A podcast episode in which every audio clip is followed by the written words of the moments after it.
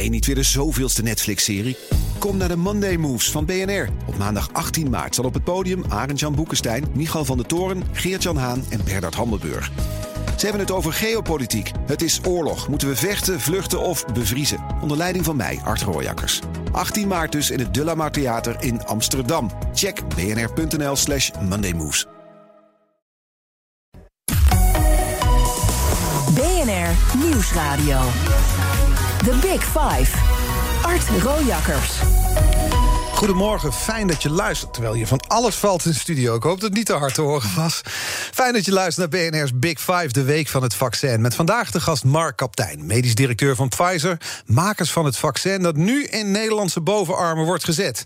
Maar voordat we naar hem toe gaan, eh, eerst even terug naar de uitzending van eergisteren. Toen was Erik Snijder van het LUMC mijn gast. We kwamen te spreken over de besmettelijkheid van de Britse variant van het virus. Die zou niet 30 tot 70 procent besmettelijker zijn, maar slechts 6 procent. Maar dat blijkt een onjuiste bewering te zijn. Dus vandaar dat we nu even contact hebben met de heer Snijder. Goedemorgen. Goedemorgen. Ja, we baseerden, of u baseerde zich op een onderzoek uit Oxford. Uh, toen kwam uh, de conclusie dat uh, de variant 6% besmettelijker was. Dus een stuk minder dan die 30 tot 70%. Ik dacht al, mooi, dan hoeven we ons minder zorgen te maken. Maar ik begrijp dat dat toch niet klopt. Ja, dat was uh, te kort door de bocht en uh, geen goede woordkeus van mijn kant. En uh, ik wil graag proberen dat nog iets beter uit te leggen. Vertel. Ehm, die studie heeft men eigenlijk op genetisch niveau het, het, voorkomen vergeleken van het originele virus en van de mutant in het totaal van de viruspopulatie die zich in Engeland ontwikkelde. Ja. Dat heeft men gedaan over een periode van drie maanden en in twaalf verschillende regio's. En de conclusie van de auteurs is dat die variant zich sneller heeft verspreid. En dat het gemiddelde verschil per dag over die hele periode en gemiddeld over al die Britse regio's eh, 6% snellere groei was in het voordeel van de nieuwe variant. Ja, maar dat is maar, dus cruciaal. Het is snellere groei en niet besmettelijkheid. Ja, dat is eigenlijk nee. het verschil. En, en um, daar zitten flinke variaties in, afhankelijk van de periode en de regio waar je naar kijkt.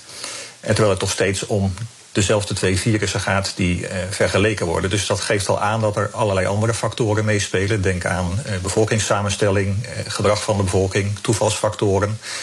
En het geeft eigenlijk ook aan dat het best nog vroeg is om te proberen nu al een heel betrouwbaar beeld te hebben. Die informatie moet groeien. De resultaten van gerichte laboratoriumproeven met de mutant moeten erbij komen. En mm -hmm. dan zal denk ik goed duidelijk worden hoe zich dit allemaal precies vertaalt naar verschillen in de overdracht van uh, het virus. Ja. Oude, oude virus en de nieuwe, de nieuwe variant. En als ik naar mijn zorgen kijk, het was dus 30 tot 70 procent of 6 procent, hoe dan ook, wat het ook is. Het is dus moeilijk uh, te zeggen, begrijp ik. Maar we moeten ons zorgen maken om die Britse variant. Ja, ik, er is vorig jaar een andere variant opgedoken die uitgebreid bestudeerd is inmiddels. En zelfs een jaar later zijn de deskundigen het er misschien helaas nog steeds niet over eens hoe, goed dat, hoe groot het voordeel van die mutatie nou eigenlijk uh, precies is geweest. Dus ja, dat, dat hoort erbij. De virussen veranderen nu eenmaal. En, en versnelde verspreiding blijft natuurlijk altijd slecht nieuws en zal ons dwingen uh, extra goed en misschien wel langer uh, de bekende maatregelen na te leven. En ja, verder blijft denk ik stug doorvaccineren het devies. En ik denk dat uw gast van vanochtend daar ongetwijfeld meer over kan vertellen. Ja, precies. Dan gaan we naar de gast van vandaag toe. Dank voor deze rectificatie. Erik Snijder van het LUMC. Ja, stug doorvaccineren, daar gaat het over. Dan kom je vanzelf uit bij Mark Kaptein, medisch directeur van Pfizer. Goedemorgen, welkom. Goedemorgen. We gaan het hebben over het vaccineren. Maar laten we beginnen met drie stellingen waar met ja of nee op geantwoord mag worden. Ja. De eerste, wij kunnen extra vaccins leveren en in het gat springen dat nu door AstraZeneca is ontstaan. Nee. Eh, wat jammer. Het Pfizer-vaccin beschermt tegen alle coronamutaties. Nee. Ook al jammer. De derde, Pfizer verdient goed geld aan het vaccin. Nee. Drie keer nee. Nou, we gaan op alle drie wat terug. Ik weet ook dat ik het straks mag nuanceren, dus Precies. dat geeft een beetje ruimte. Ja. ja. Laten we beginnen met goed nieuws. Volgens mij zijn we daar op dit soort dagen wel aan toe. Deze ochtend het nieuws dat jullie vaccin ook werkt tegen de Britse en de Zuid-Afrikaanse variant. Ja, exact. Dus daarom kan ik ook niet zeggen dat het tegen alle mutanten uh, werkt. Maar we weten inmiddels wel dat het tegen de Britse mutatie goed werkt. Dat wat uh, Erik Snijders net uh, ter sprake bracht. Dat is natuurlijk goed nieuws. Het kan besmettelijker zijn, maar het vaccin werkt nog steeds tegen, dat, tegen die mutatie. En ook de Zuid-Afrikaanse, dat is gisteren bekend geworden. Ook de Zuid-Afrikaanse mutatie, daar werkt het vaccin goed tegen. Dus dat is twee keer goed nieuws. Ja, en dat betekent dus dat we ons daar minder zorgen hoeven te maken om die variaties? Nou ja, dat hangt ervan af. Als je kijkt naar de Britse uh, mutatie, daarvan, die besmettelijkheid, die speelt echt wel een rol op dit moment. En we zien dat die zich snel verspreidt in Nederland. En daarmee wordt de druk op de zorg ook groter. Hoe meer besmettingen, hoe meer infecties, hoe meer ziekenhuisopnames, hoe meer IC-bedden die worden, worden bezet. Dus dat is op de korte termijn wel een probleem. Op de langere termijn, als we gevaccineerd zijn, hoeven we ons echter geen zorgen te maken over die Britse, Britse mutatie. En ook dus niet over de Zuid-Afrikaanse. Wanneer we die groepsimmuniteit hebben?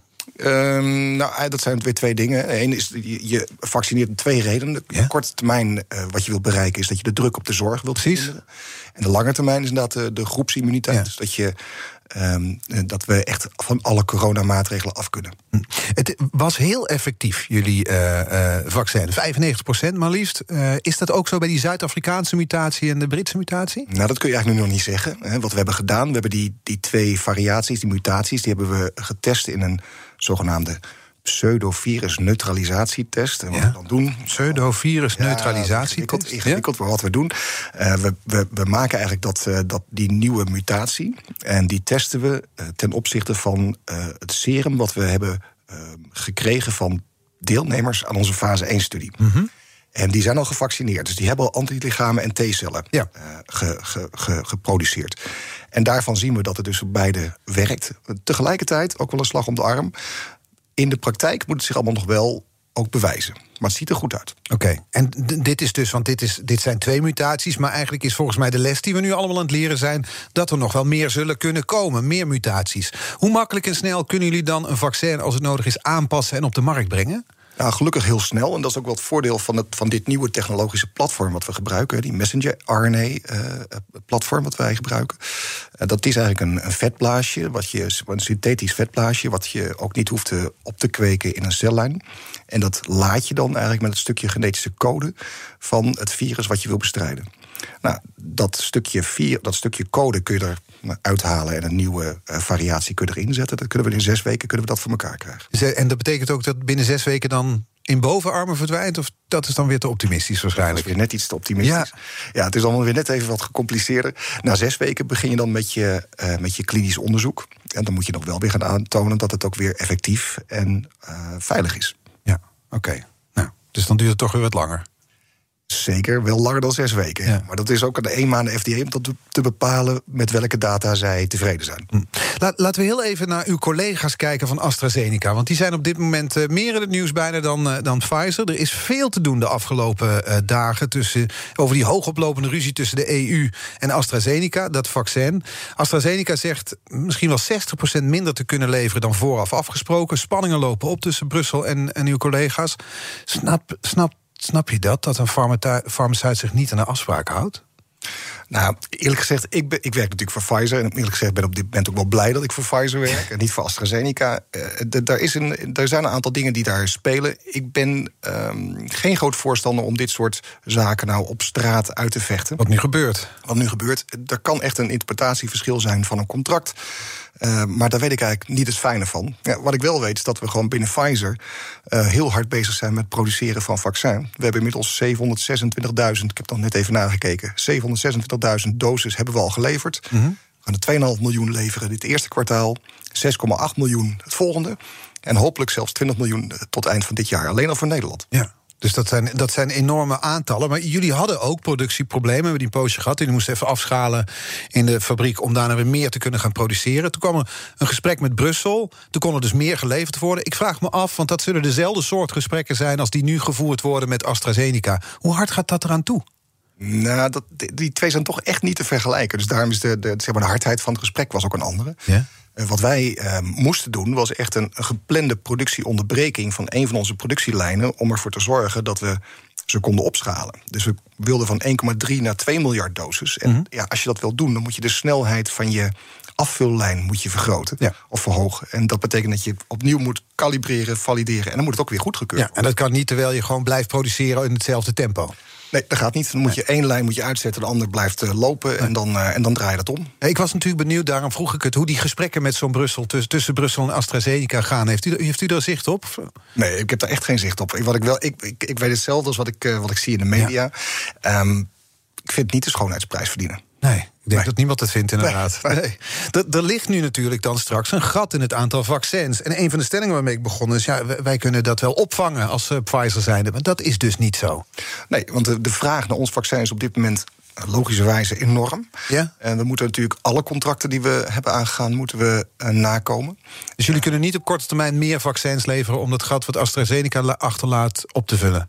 Nee, zoveel kunnen we niet bijleveren. Wat we wel nu proberen, al in dit kwartaal, is om uh, in maart wellicht nog wat meer te, te leveren dan de 2,4 miljoen die we overeen waren gekomen. We, zijn, we hebben het al opgehoogd naar 2,5. En of dat nog iets meer kan worden, ja, dat, dat zal wel enkele honderdduizenden doses extra zijn. Maar miljoenen, dat gaat echt niet op dit nee. moment. Maar jullie sloten wel onlangs een deal met de Franse farmaceut, Sanofi. Ja. Uh, die gaat helpen bij de productie. Dat is normaal gesproken een concurrent. Dan denk ik, nou, dan kunnen jullie dus veel sneller gaan produceren. Ja, ook dat is. Nou, trouwens, een concurrent is maar een, uh, maar een, uh, een term die gebruikt. waarvan ik wel afvraag of, of dat wel echt zo is op dit moment. Collega's. Zijn, ja, op dit moment zijn we echt wel collega's. AstraZeneca ook collega's. Oh, ook zeker. Ja, ja, hoor. Ja, ja, ja. Nee, wat we, we proberen. Ik hoef geen leed van maken als we het erover hebben. Nee, nee, dat was absoluut niet. Nee, nee, nee, nee, dat, zo zit dat niet in elkaar. We hebben, we hebben echt al die vaccins nodig van al die verschillende vaccinontwikkelaars. om samen die pandemie eronder te krijgen. Ja. Wij gaan dat binnen. Met Pfizer-vaccin uh, alleen gaan we het niet redden. Hm. Maar Sanofi, daar hebben we inderdaad een, een deal mee gesloten om uh, om 100 miljoen doses af te vullen. Dus dat betekent dat je uh, elders het vaccin maakt en Sanofi gaat het dan uh, gaan afvullen. Ja. The Big Five. Art Rojakkers. Deze week vijf kopstukken uit de wereld van het vaccin. Eerder sprak ik Erik Snijder, ook in deze uitzending. Hoogleraar moleculaire virologie aan het Leids Universitair Medisch Centrum. José Sanders, hoogleraar narratieve communicatie. Jaap van Delden, directeur COVID-vaccinatie bij het RIVM. En morgen sluit ik de week af met hoogleraar vaccinatie Cecile van Els. Vandaag de gast Mark Kaptein, medisch directeur van Pfizer. Die strijd om de vaccins, want dat is het inmiddels, die is losgebarsten ook. Hè. Dat, het wordt deze week eigenlijk zichtbaar door het gedoe met AstraZeneca. Er wordt zelfs gesproken over vaccinatie-nationalisme. Wat merken jullie er eigenlijk van? En wat we ervan merken is dat de vraag naar ons vaccin enorm is. Uh, elk land en elke regio die probeert natuurlijk het maximaal aantal uh, vaccins uh, te, te, krijgen. Om, mm -hmm. Om, de pandemie eronder te krijgen. Wordt er dan hard aan jullie getrokken? Of wordt er gezegd: hé hey, kapitein, wil je op vakantie naar de Malediven de regelen? Maar dan moet je wel wat extra doses leveren? Nou, gelukkig dat niet. Dat, trouwens, daar zou ik ook niet op reageren. De Malediven maar, niet? Nee. Binnenkort staat het onder water, heb ik begrepen. Ja, daarom, je moet snel zijn. um, nee, nee zo, zo gaat dat niet. Maar er is wel, wel druk. En er is wel druk om zoveel mogelijk te produceren. En hoe ziet die druk eruit? Hoe werkt dat? Nou, de, wat, wat aanvankelijk het. Uh, we konden 1,3 miljard doses maken. Nou, door die enorme aantallen extra bestellingen hebben dat nu opgehoogd tot 2 miljard. En we hopen zelfs dat nog een beetje overheen te gaan. Dus dat is wat we kunnen doen. En niet toegeven aan de druk, maar wat we moeten doen... en wat we heel goed kunnen binnen Pfizer... is dat opschalen en op grote hoeveelheden doses maken. Ja. Dat is wat we nu doen. Ja, maar die druk, ik ben er toch benieuwd. Nou, komen er dan telefoontjes van, van wereldleiders? Of hoe, hoe werkt zoiets? Nou, dat, dat is echt op bordniveau. Ja, dus dat, dat wordt wel doorgebriefd. Onze CEO, die, ja. die, die, eerlijk gezegd... Uh, heeft hij heel veel hele intense gesprekken... En, uh, gelukkig is dat iemand die heel standvastig is. Ja. Die, die echt een plan maakt en het uitvoert. En eerlijk gezegd is dat ook precies de reden geweest waarom Pfizer.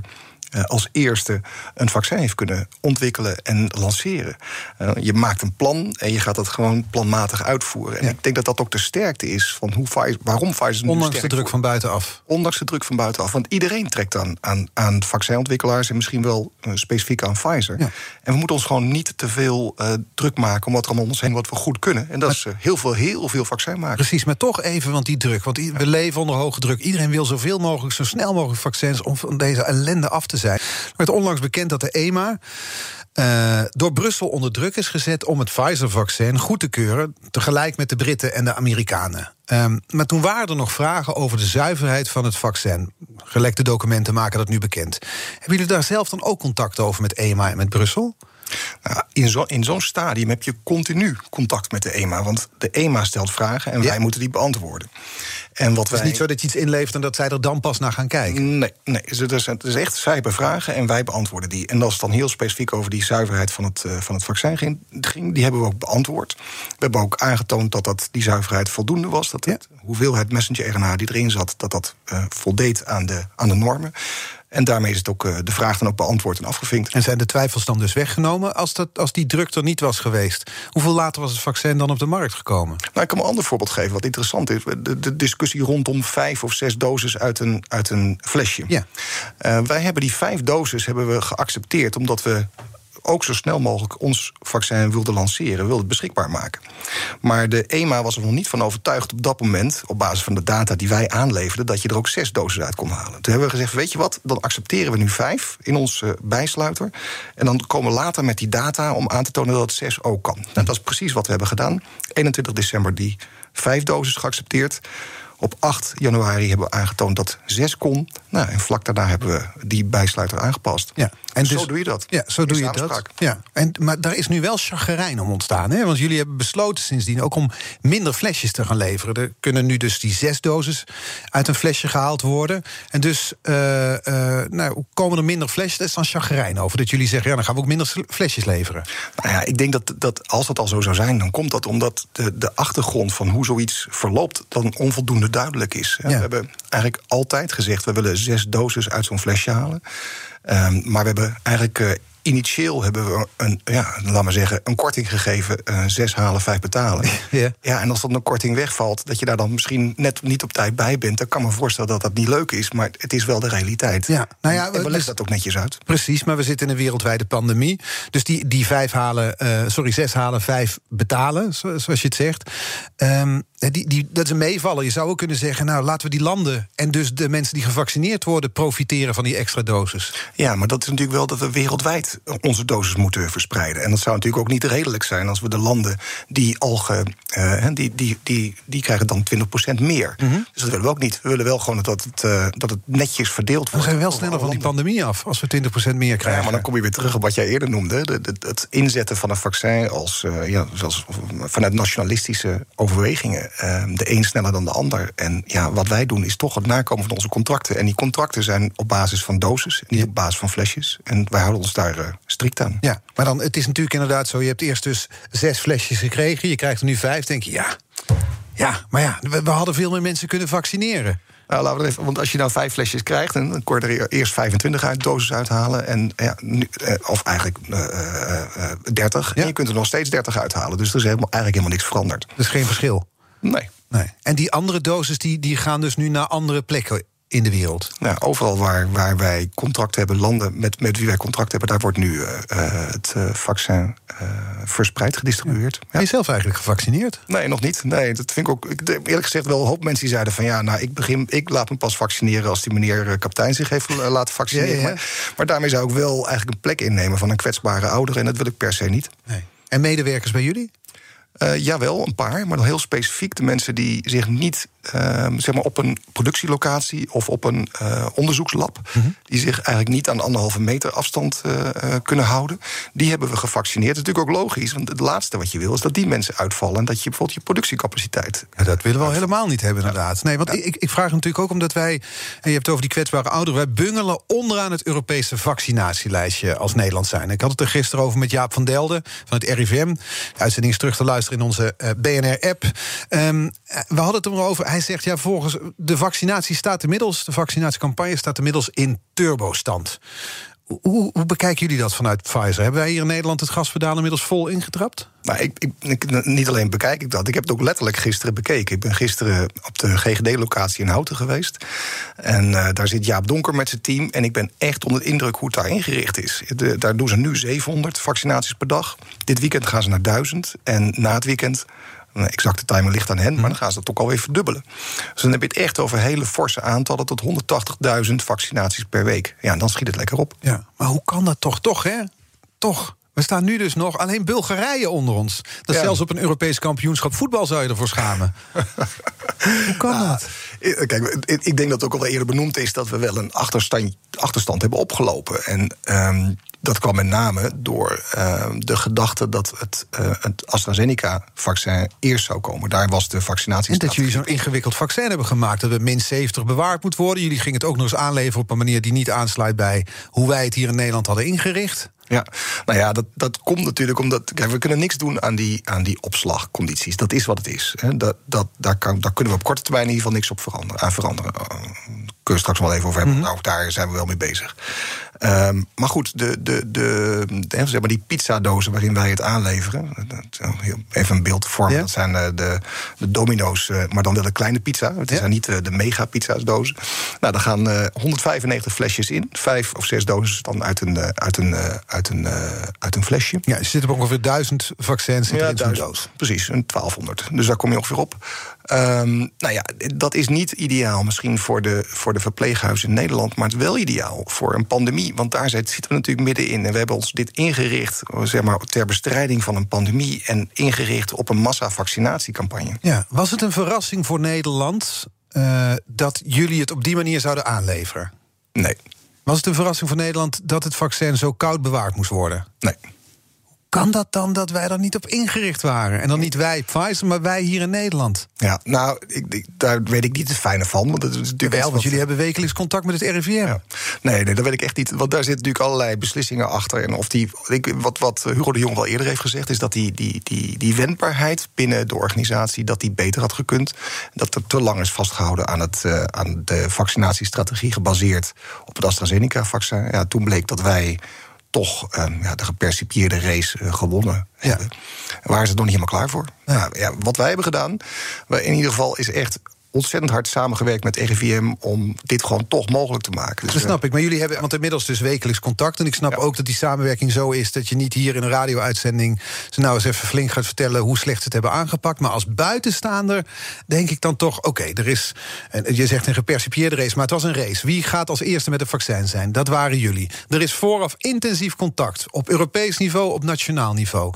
Het kan geen verrassing geweest zijn waar jullie mee kwamen. Het was geen doos van Pandora van maak hem eens open. Kijk, dit is hoe we de pandemie gaan oplossen. Nee, dat klopt. Het kan geen verrassing zijn geweest. En, maar goed, eh, daar is inderdaad te lang vastgehouden aan de gedachte dat een ander vaccin uh, beter zou passen in de Nederlandse um, infrastructuur. Ja? ja. En um, ja, dat, dat is eh, een beslissing die lag bij het VWS en bij het RIVM. Ja. Moet ik zeggen dat we nu ook echt wel aan het inhalen zijn hoor. Dat is wel een. Uh, dat durf ik echt nogmaals. Ook gisteren in Houten, dat ziet er gewoon echt goed uit.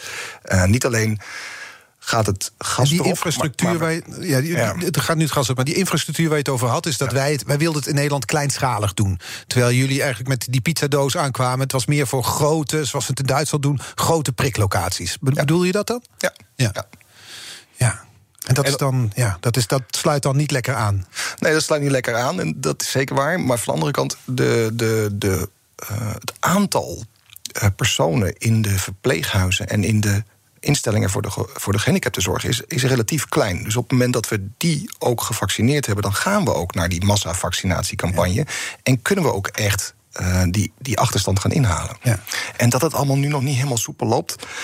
Um, of in ieder geval gepercipieerd dat het in ieder geval nog niet soepel loopt. Ja, het gepercipieerd, we staan onderaan nogmaals in Europa. Ja, ja, zeker. en dat in de tijd dat er 600 coronadoden per week vallen. Ja.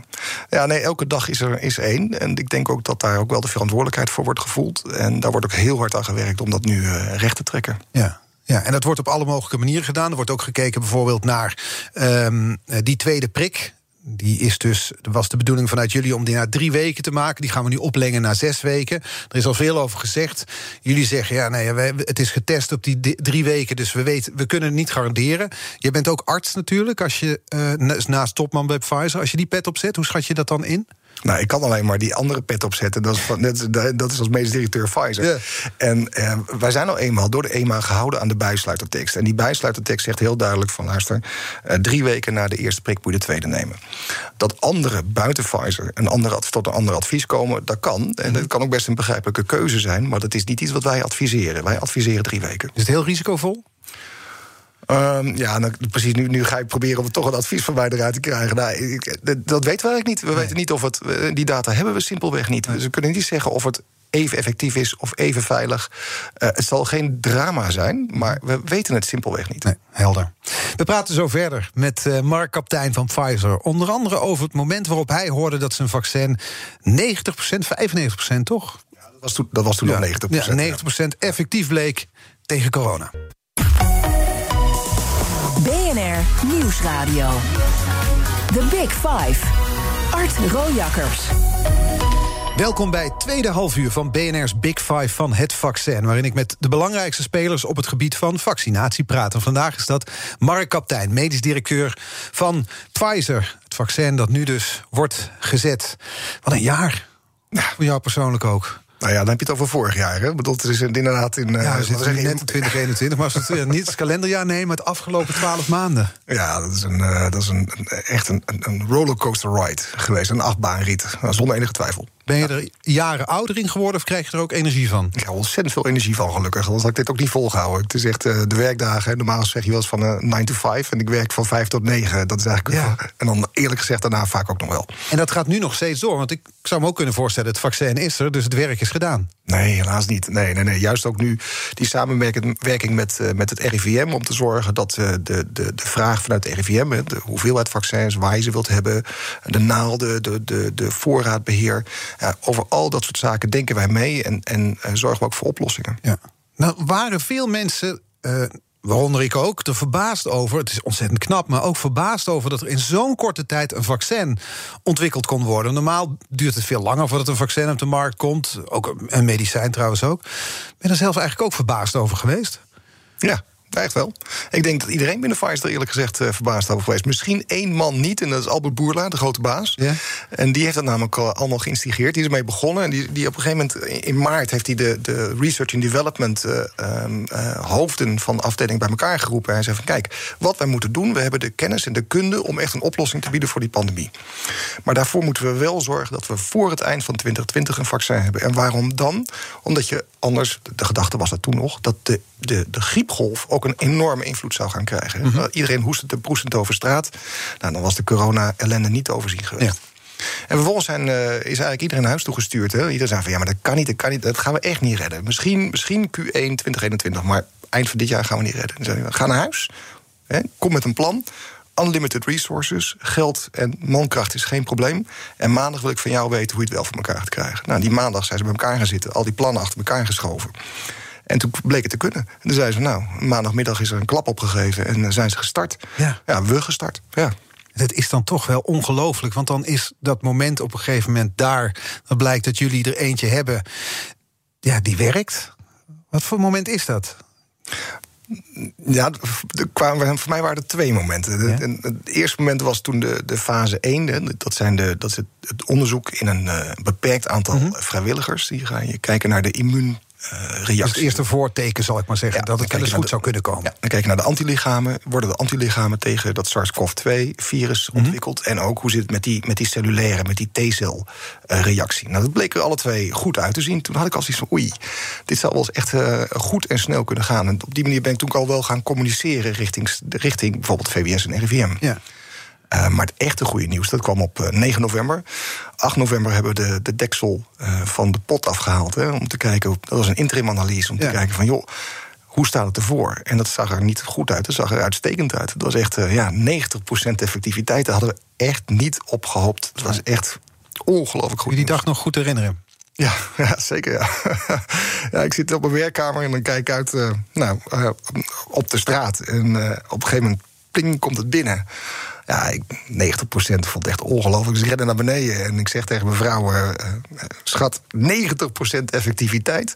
En ze zegt, 90%, waar heb je het over? Dus ze had al zelf, was dat al heel in de eigen werkbubbel. Dus dat, uh, ja, nee, maar dat was echt een heel mooi moment. Ja. ja heb je de champagne opengetrokken? Nee, nog steeds niet. Het is echt ongelooflijk. Ja, nee, het is echt verschrikkelijk. Maar daar zitten we nu helemaal niet... In die mode zitten we nu helemaal niet. We zitten echt nog...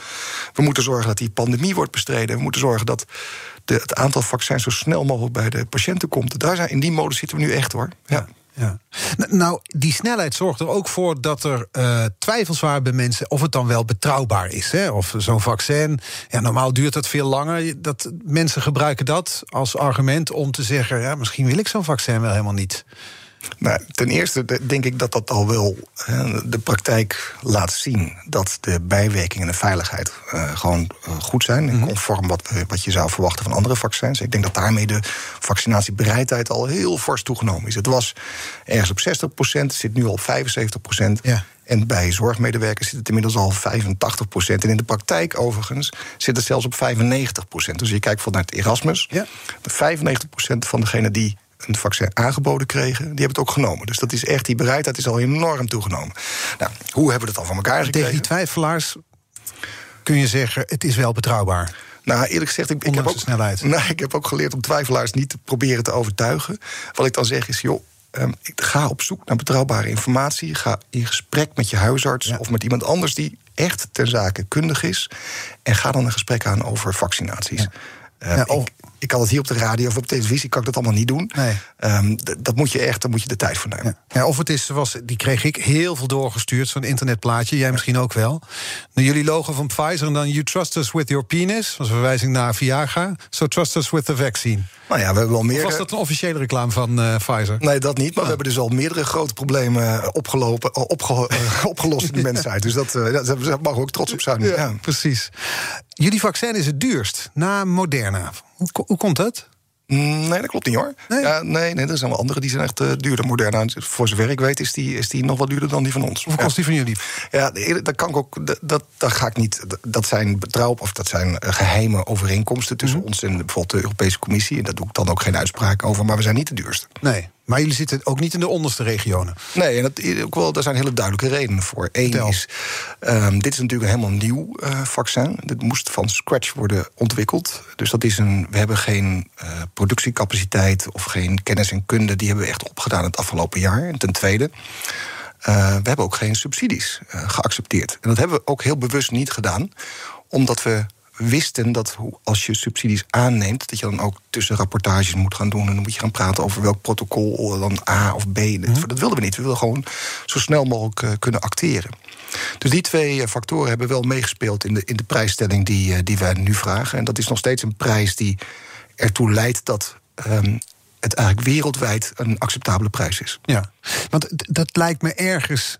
Ja, misschien is het een wat communistische gedachte. Maar en niemand is erop tegen om winst te maken. Maar het is ook raar om dat misschien in tijden van een wereldwijde pandemie te doen. Nee, nee, nou, ten eerste is die, is die winst dus beperkt. In die zin dat, eh, dat we eh, niet de maximale prijs vragen voor het vaccin. En ten tweede is het natuurlijk ook heel belangrijk, want we moeten door met, met de ontwikkeling van dit vaccin. Voorbeelden geven, ehm, de mutatie. Als er een nieuwe mutatie komt waar tegen dit vaccin niet meer goed werkt, dan moeten we opnieuw eh, het volgende vaccin gaan ontwikkelen. Ehm, ook een griepvaccin waar we mee bezig zijn. En we zijn met een heleboel andere ehm, producten in onze pipeline. Waar wel in geïnvesteerd moet worden om die uiteindelijk bij patiënten terecht te laten komen. En dat, dat kan niet van de lucht. Nee, dus daar, zijn dit soort eh, dingen voor nodig. Waar ik me over verbaasd heb, eh, is dat wij als wereldburgers met z'n allen zo afhankelijk bleken te zijn van een paar farmaceuten. Nou, dat zijn er toch wel meer dan. een- ik geloof dat er op een gegeven moment iets van 200 vaccins in ontwikkeling waren. Ja, Ja. precies, in ontwikkeling. Maar uiteindelijk zijn er nu, hoeveel, op, met hoeveel kunnen we nu gaan werken? Waarschijnlijk Nou, wel AstraZeneca, 12, als? AstraZeneca morgen wordt goedgekeurd, dan hebben we er in Nederland drie. Ja. Eh, daar komt dan Er komen er nog een aantal bij. Volgens mij zitten er Ja, ja. uiteindelijk een stuk of twaalf misschien wel die, die we kunnen gaan gebruiken. Nou, ik denk dat realistisch is dat we er een stuk of zes in Nederland Zes. gaan gebruiken. Ja. ja. Dus dat, het is een handjevol, zal ik maar zeggen. Ja, maar dat zijn dan wel de, de, de, zeg maar degenen die eh, door die investeringen ook daadwerkelijk een vaccin hebben kunnen ontwikkelen Ja. en produceren. Dat is Ja. heel belangrijk. Ja. Nee, ik, ik vraag het omdat eh, een onderwerp waar we het eh, gisteren over hadden met Jaap van Delden, die kreeg een kettingvraag voorgelegd van Snijder, van de, heer, van de heer Snijder van het LMMC. En dat ging over de vraag of de overheid misschien meer een rol moet spelen. En dat leverde weer de volgende kettingvraag op van Jaap van Delden van het RIVM. Jullie spreken elkaar wekelijks, maar dan nu via de uitzending voor, voor jou. Ik zou graag, eh, heer Kaptein, willen vragen wat zijn idee is over een, een grotere rol van de overheid. Of een sterkere samenwerking tussen overheid en eh, eh, farmacie. bij de ontwikkeling van nieuwe vaccins. Dus niet de productie, maar de ontwikkeling van nieuwe vaccins. Hoe kijk je daarnaar? Nou, ik denk dat een goede samenwerking tussen overheid en vaccinontwikkelaars heel erg belangrijk is. En dat laten we nu eigenlijk ook zien vanuit Pfizer. hè, Dat we echt constructief samenwerken om dat vaccin daadwerkelijk bij de patiënt te krijgen. Maar ik zou geen voorstander zijn van een eh, grote invloed van de overheid op de eh, vaccinontwikkeling. En waarom niet? Omdat wij hebben geleerd afgelopen jaar dat juist wanneer je het helemaal solo kunt doen, dat Ja. het het snelst gaat. Dus in het geval van een pandemie moet je gewoon van je eigen kracht uitgaan. Eigenlijk wat je beschreef. Jullie topman zei: we moeten dit oplossen voor het einde van het jaar. En we gaan het als bedrijf doen. En dat kan dan eigenlijk ook alleen maar als je solo vliegt. Eigenlijk is dat wel de, de, de, ja, de, de nou, niet alleen theorie, dit is nu ook de praktijk laat zien dat dat het snelste gaat. Ja. En als er meer, een meer overheidsbemoeienis is, dat werkt vertragend. Nou, ik kan er wel een voorbeeld van geven. Moderna, wat ook een, eh, een, een messenger-RNA-vaccin heeft, Ja. die is zelfs iets eerder gestart met het klinisch onderzoek dan Pfizer. Maar heeft deze zomer op een gegeven moment eh, wat discussies gehad over hoe dan het protocol voor het fase 3 er precies uit moest zien. Daar hebben ze drie weken vertraging opgelopen. Mhm. En dan is toen de tijd dachten van ja, drie weken meer of minder maakt niet zoveel uit. Nou, ik denk dat we daar nu anders over hoeveel denken. het nu uitmaakt. Ja. Ja. Dus ik, ik, ik ben ervan overtuigd dat je als je solo vliegt en kunt vliegen, dat is wel belangrijk. hè? Dus dat je het ook solo kunt doen, dat je het moet doen. Ja, dat je die, als je die slagkracht hebt en dat, dat je daarmee dus niet de belast van de overheid. Want zo, zo is het dan eigenlijk. Nou, ik, nog maar, het is, de, de, de samenwerking met de overheid is heel belangrijk. Maar dat is eigenlijk pas nadat het vaccin ook Ja. daadwerkelijk is Als het ontwikkeld is. Ja. Oh. BNR Nieuwsradio. The Big Five. Art Rojakkers. Luister naar BNR's Big Five van het vaccin. Vandaag de gast Mark Kaptein, medisch directeur bij Pfizer. Ik kwam gisteren een bericht tegen het NRC. Daarin las ik dat de Access to Medicine Foundation, een internationale organisatie, die zeggen: ja, de werelds grootste farmaceutische bedrijven zijn slecht voorbereid op toekomstige pandemieën. En daarmee is eh, de wereld, we zijn afhankelijk voor die, voor die medicijnen, voor de geneesmiddelen, zijn, zijn wij dat dus ook. Er zijn eh, voor slechts zes van de 16 infectieziekten met een groot pandemierisico wordt nu gewerkt aan een geneesmiddel. Klopt dat? Nou, ja, ik heb er wel wat vraagtekens bij. Ten eerste, je kunt je natuurlijk niet voorbereiden op iets waarvan je niet weet wat er gaat gebeuren. Dus we weten niet wat de volgende pandemie wordt. En zij hebben dus 16, er zijn 16 mogelijke Ja. pandemieën Ja. zijn nu geïdentificeerd. Die Nou ja, hierna dat- zouden kunnen komen. Ik moet er niet aan denken om eerlijk te zijn. Ik Laten we eerst hiervan afkomen. Maar Nou ja, we hebben, eerlijk gezegd, we hebben, net- we hebben net dat voorbeeld al besproken voor de uitzendingen. Dat uiteindelijk wat je dan zou doen, is dat je 16 eh, spelers in een voetbalteam eh, helemaal traint, eh, geweldig tot op niveau en vervolgens op de bank zet. En dat, dat kan eigenlijk niet. Dat kunnen we ons niet veroorloven met elkaar. En bovendien kan het dan best zo zijn. dat- bedrijfstechnisch niet te doen. bedrijfstechnisch niet, maar ook dan kan het best zijn dat de zeventiende speler uiteindelijk de, het winnende doelpunt maakt, die dan net niet op de bank hebt zitten. Dus ik begrijp het wel.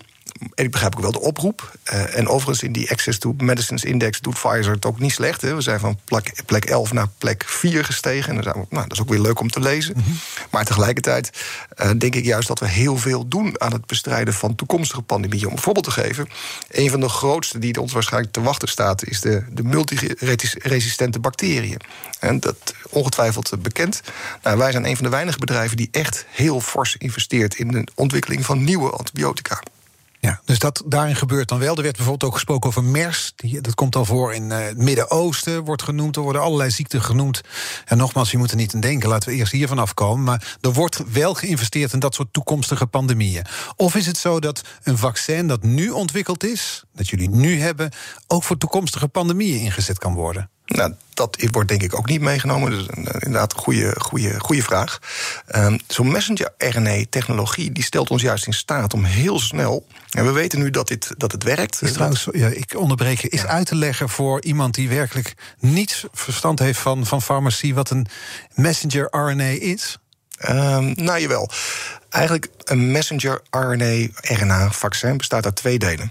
Ten eerste een, een vetblaasje. En dat vetblaasje is eigenlijk een synthetisch virus. Het lijkt op een virus. Het kan ook ehm, fuseren met de celmembraan van, de, van, van een menselijke cel. En op het moment dat hij fuseert, dan laat hij eigenlijk dat stukje genetische code voor het eh, eiwit van het SARS-CoV-2-virus, dat laat hij los in de cel. En de cel die leest dat af en gaat dat stukje eiwit, niet het hele virus, maar alleen maar dat stukje eiwit, gaat die produceren. Dat komt dan vervolgens tot uiting op de cel, eh, aan de buitenkant van de cel. En de, het immuunsysteem reageert erop. In eerste instantie door antilichamen te maken. Dat zijn eigenlijk een soort dopjes die passen op dat eiwit en daarmee neutraliseren. En even later maken ze ook T-cellen aan. En T-cellen die zorgen ervoor dat een geïnfecteerde menselijke cel wordt opgeruimd. Ja. Nou, en die twee samen die zorgen ervoor dat je niet langer ziek wordt als je geïnfecteerd bent. en dat hebben we nu dus voor eh, corona. En dat zou mogelijk ook voor andere infectieziekten eh, geschikt zijn. Ja, zeker. Is dat ook geschikt voor die mutaties die we nu overal op zien komen dan?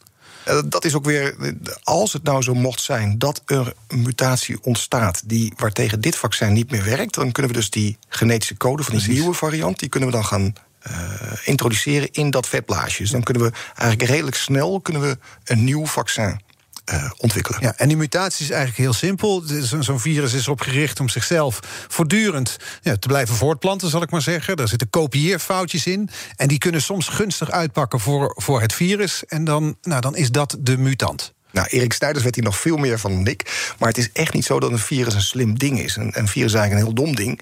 En die maakt gewoon continu foutjes. En dan af en toe ontstaat er een foutje die beter blijkt te werken dan andere. En als dat zo is, hè, als dan door daardoor de besmettelijkheid toeneemt, dan uh, wordt dat de dominante uh, virussoort. En ja, dat is allemaal. Ik, ik, wil wel eens een poging doen om het uit te leggen. Het is ook allemaal niet zo heel erg gemakkelijk. Maar als je het hebt over mutaties, dus dat gaat om de relevante mutaties. En de relevante mutaties zijn met name die mutaties in dat spijkereiwit van het virus. Mm -hmm. En dat is heel lang gedacht dat de N501, en in de volksmond wordt die Nelly genoemd. Nelly? Nelly, dat Nelly een belangrijke rol zou spelen in eventuele um, uh, minder uh, geschiktheid van, van het vaccin. Nou, dat bleek reuze mee te vallen. Nelly bleek een, een, een goed aardig kind te zijn. Nelly is eigenlijk één zo'n spijkertje, zou ik maar zeggen, aan, uh, aan, het, uh, aan het virus. Nee eigenlijk, nee, eigenlijk niet. Het is eigenlijk een vervorming van het, van het spijkertje aan het virus. Ja, dus Nelly? Nelly was niet zo belangrijk. Dat, die was, dat was een, een, een goed aardig, goed opgevoed kind. Maar wat we toen hebben ontdekt, is dat er eigenlijk andere mutaties in dat kopje van spijker uh, optreden. Dat was bijvoorbeeld de E484K, die heb ik zelf maar eens Erik genoemd. En Erik samen met nog weer een andere, de D614G, dat is de Zuid-Afrikaanse uh, variant. Dus die, die, Hoe noemen we die dan? Ja, daar heb ik nog geen goede naam voor. Met een D en een G. Dus de luisteraars mogen het inzenden. Een, een, een goede naam die begint met een D en eindigt op een G. Ik heb hem niet, niet kunnen bedenken. Maar die, die, eigenlijk wat, wat we zien is dat, die, dat Nelly is een prima kind. Maar als Erik en die D en G erbij komen, hè, dan, wordt, dan gaan ze keten. En dan past op een gegeven moment dat antilichaam wat ontwikkeld wordt op basis van het vaccin, niet helemaal goed meer op dat kopje van het eiwit. Ja, en dan moet je dus zo'n uh, vaccin weer aanpassen. Dan, dat zou, als het vaccin op een gegeven moment niet meer werkt, ja. dan moet je het aanpassen. Was het een beetje begrijpelijk? Uh, ja, ik blijf bij die D en die G hangen. Ik zit het in mijn hoofd te breken over een, een, naam met een D en een G, maar die heb ik nog niet. Nee, nee, de Dirk Schering gaat. Maar ja, of je, of je, die nou moet noemen, weet ik ook niet. Ja. Wat is eigenlijk de les die jullie bij Pfizer hebben geleerd van het afgelopen jaar? Dat um, nou, de belangrijkste les eigenlijk is dat we een groot bedrijf zijn. Maar dat een groot bedrijf ook heel wendbaar kan zijn. Uh, er wordt wel eens gezegd van ja, big pharma, olietankers. En, nou, eerlijk gezegd, uh, misschien. Maar we zijn ook een speedboot. En we kunnen dus ook gewoon heel snel uh, schakelen als dat moet. Dat is les 1. En les 2 is aan alleen het ontwikkelen van een vaccin. Dat is mooi, maar je moet het ook kunnen produceren. -hmm. En ik denk dat we nu ook laten zien wat de waarde is van een groot bedrijf. Hè. Dat, je, dat je ook in staat bent om op te schalen. Niet naar, naar, naar, van een miljoen naar 10 miljoen of 100 miljoen. Nee, naar 2 miljard. Ja, daar heb je gewoon schaalgrootte voor nodig. En ik denk dat dat nu langzaam maar zeker begint in te dalen. Dat, uh, ja, dat big can be is beautiful. Ja. In plaats van big is bad. Ja, want dat was inderdaad soms wel het imago. Ja, zeker. Ja. En ik denk dat dat uh, um, soms je anders in op verjaardagsfeestjes? Nou, compleet. ja. Nou ja, nou, welke feestjes, dat is dan wel even de... Die zijn er niet meer, de nee, online borrels. Ja, ja, ja, de online borrels. Nou, er is echt veel meer begrip ontstaan... voor wat nou een groot farmaceutisch bedrijf kan betekenen... voor, mm -hmm. de, voor de maatschappij. Ja. ja. Um, ik ben ook wel benieuwd, want dat doen we eigenlijk met iedereen, een blik vooruit in de toekomst. Want uiteindelijk zit iedereen die zit te luisteren, denkt, nou, die man van Pfizer die zal het wel weten. Wanneer zijn we hier vanaf? Nee, Wanneer wordt het leven weer gewoon? Ik heb twee data. In mijn vriendengroep heb ik twee data genoemd. De eerste is uh, midzomernacht, dat is 21 juni. Dan zijn we nog niet van de maatregelen af, maar dan begint het echt alweer een beetje op normaal te lijken. Dan, gaan de, dan is de scherpte van de, van de coronamaatregelen, denk ik, er vanaf. Dat komt omdat we op dat moment de druk van de zorg af hebben gehaald. Mm -hmm. En dat bijvoorbeeld een avondklok en, nou, en dat de, de hele scherpe uh, horecabeperkingen wellicht wat, uh, wat minder kunnen zijn. Maar dus je gaat ervan uit dat we tot 21 juni met dit soort scherpe maatregelen als een avondklok nee, misschien wel zitten? Nee, je gaat het wel langzaam afbouwen. Dus maar 21 juni dat, je, dat het alweer een beetje op normaal begint te lijken. Ja, dat is de ene datum. De en, andere? En de andere is mijn verjaardag, dat is 27 augustus. En uh, ik heb goede hoop dat ik daar gewoon weer vrienden kan uitnodigen en in de achtertuin een lekker glas kan drinken. Ja. Het klinkt veel beloofd. Ik ben 29 augustus jarig, dus ik, ik, ik, ik, hou, ik, ik hoop je eraan. Laten we proosten op onze verjaardag, als het inderdaad ja, dat is zo een goeie. Ja. En waarom, waarom kunnen wij onze verjaardag dan vieren? Omdat dan het merendeel van de Nederlanders is gevaccineerd? Nou ja, ik kijk gewoon simpelweg naar hoeveel vaccins kunnen wij als Pfizer leveren. Dat zijn er 20 miljoen voor het hele jaar. Dat ja. zijn 10 miljoen Nederlanders. Plus dan de, de immuniteit die al opgedaan is uh, vanwege natuurlijke infecties. Dus dat zou al bijna die groepsimmuniteit uh, bereiken. Maar dan hebben we ook nog Moderna en AstraZeneca en Janssen... die allemaal in het, het, tweede of in het derde kwartaal... ook echt forse hoeveelheden gaan leveren. Ja.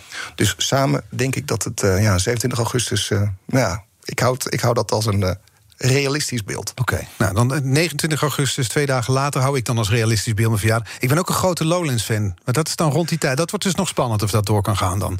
Ik, ik ben er eerlijk gezegd nog nooit geweest. En dat lijkt me nou hartstikke leuk. Is dat die datum, rondom die datum? Ja, rond die datum, ja, eind augustus. Ja, nou, misschien moeten we samen gaan dan. Kunnen we daar onze verjaardag vieren. Laten we hopen dat het door kan gaan. We hebben nog uh, één punt af te werken, die kettingvraag. Want morgen is hier Cecile van Els te gast. Hoogleraar vaccinatie. Met haar sluiten deze week van het vaccin af. Wat zou je van haar willen weten? Nou, ik zou graag naar haar willen vragen. Wat is nou de beste exit-strategie? En een exit-strategie is dus niet alleen maar vaccinatie, maar ook uh, bron- en contactonderzoek en ook optimaal testen. Mm-hmm. En wat verwacht zij dan als einddatum voor de coronamaatregelen? En misschien nog wel een, uh, een subvraag. Ik zou ook wel heel graag willen weten wat zij dan weer gaat doen nadat het allemaal weer kan. Ja, misschien wil ze wel mee naar Lowlands met ons. Nou, dat lijkt me hartstikke gezellig. Ja. ja. Wie weet. Ja. ja. dat zou dus eind augustus zo zijn. En in de tussentijd uh, volgen we nauwgezet wat jullie aan het doen zijn bij Pfizer, net als jullie uh, collega's. Dank voor de komst vandaag. Mark Kaptein, medisch directeur van Pfizer. Graag gedaan. Uh, nu op deze zender zometeen uh, Ivan Verrips met BNR breekt. Maar dat is pas nadat ik zeg dat deze aflevering van BNR's Big Five terug te luisteren is. Te vinden in de BNR-app en ook op bnr.nl. Uh, net als alle andere afleveringen van deze week. zeker aan te raden die van gisteren met Jaap van Delden van het RIVM. Um, over de vaccinstrategie en het feit dat wij in Nederland erachteraan huppelen. Nou, huppelen slow erachteraan gaan. Maar dat we nu in het turbostand gaan en de achterstand wel gaan inhalen volgens Jaap van Delden. Terug te luisteren is die in de BNR-app en op bnr.nl. Maar je kunt ook live blijven luisteren op deze zender. Want hier is nu dus Ivan Verrips met BNR Breekt. Tot morgen. BNR Breekt. Breekijzer. Digitale technologie, gentechnologie, energietechnologie, ruimtevaarttechnologie. Altijd maar technologie. Waarom? Ja, Herbert, dat is de technoloog. Het is de podcast over technologie. Oh ja. Nou ja, oké okay dan. Ja, en dan moet je kijken op bnr.nl slash technoloog. Elke week praten we met één expert over technologie. En heel uur lang, je moet er wel tegen. De toekomst roept. Minder CO2. Lies je mee? Dit is het moment om te kiezen voor de Tesla Model 3, Toyota Pro-Ace Electric of Volkswagen ID3. Uitstoot verminderen doe je samen met mobilityservice.nl.